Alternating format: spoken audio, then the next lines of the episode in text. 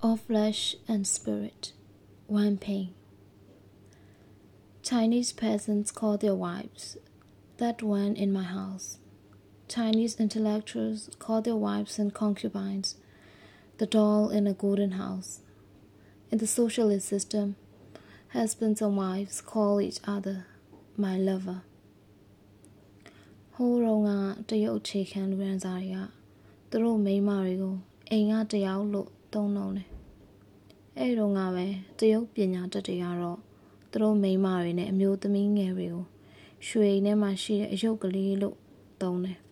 ။ socialist ခေတ်ကိုရောက်တော့ယောက်ျားတွေနဲ့မိန်းမတွေကအချင်းချင်း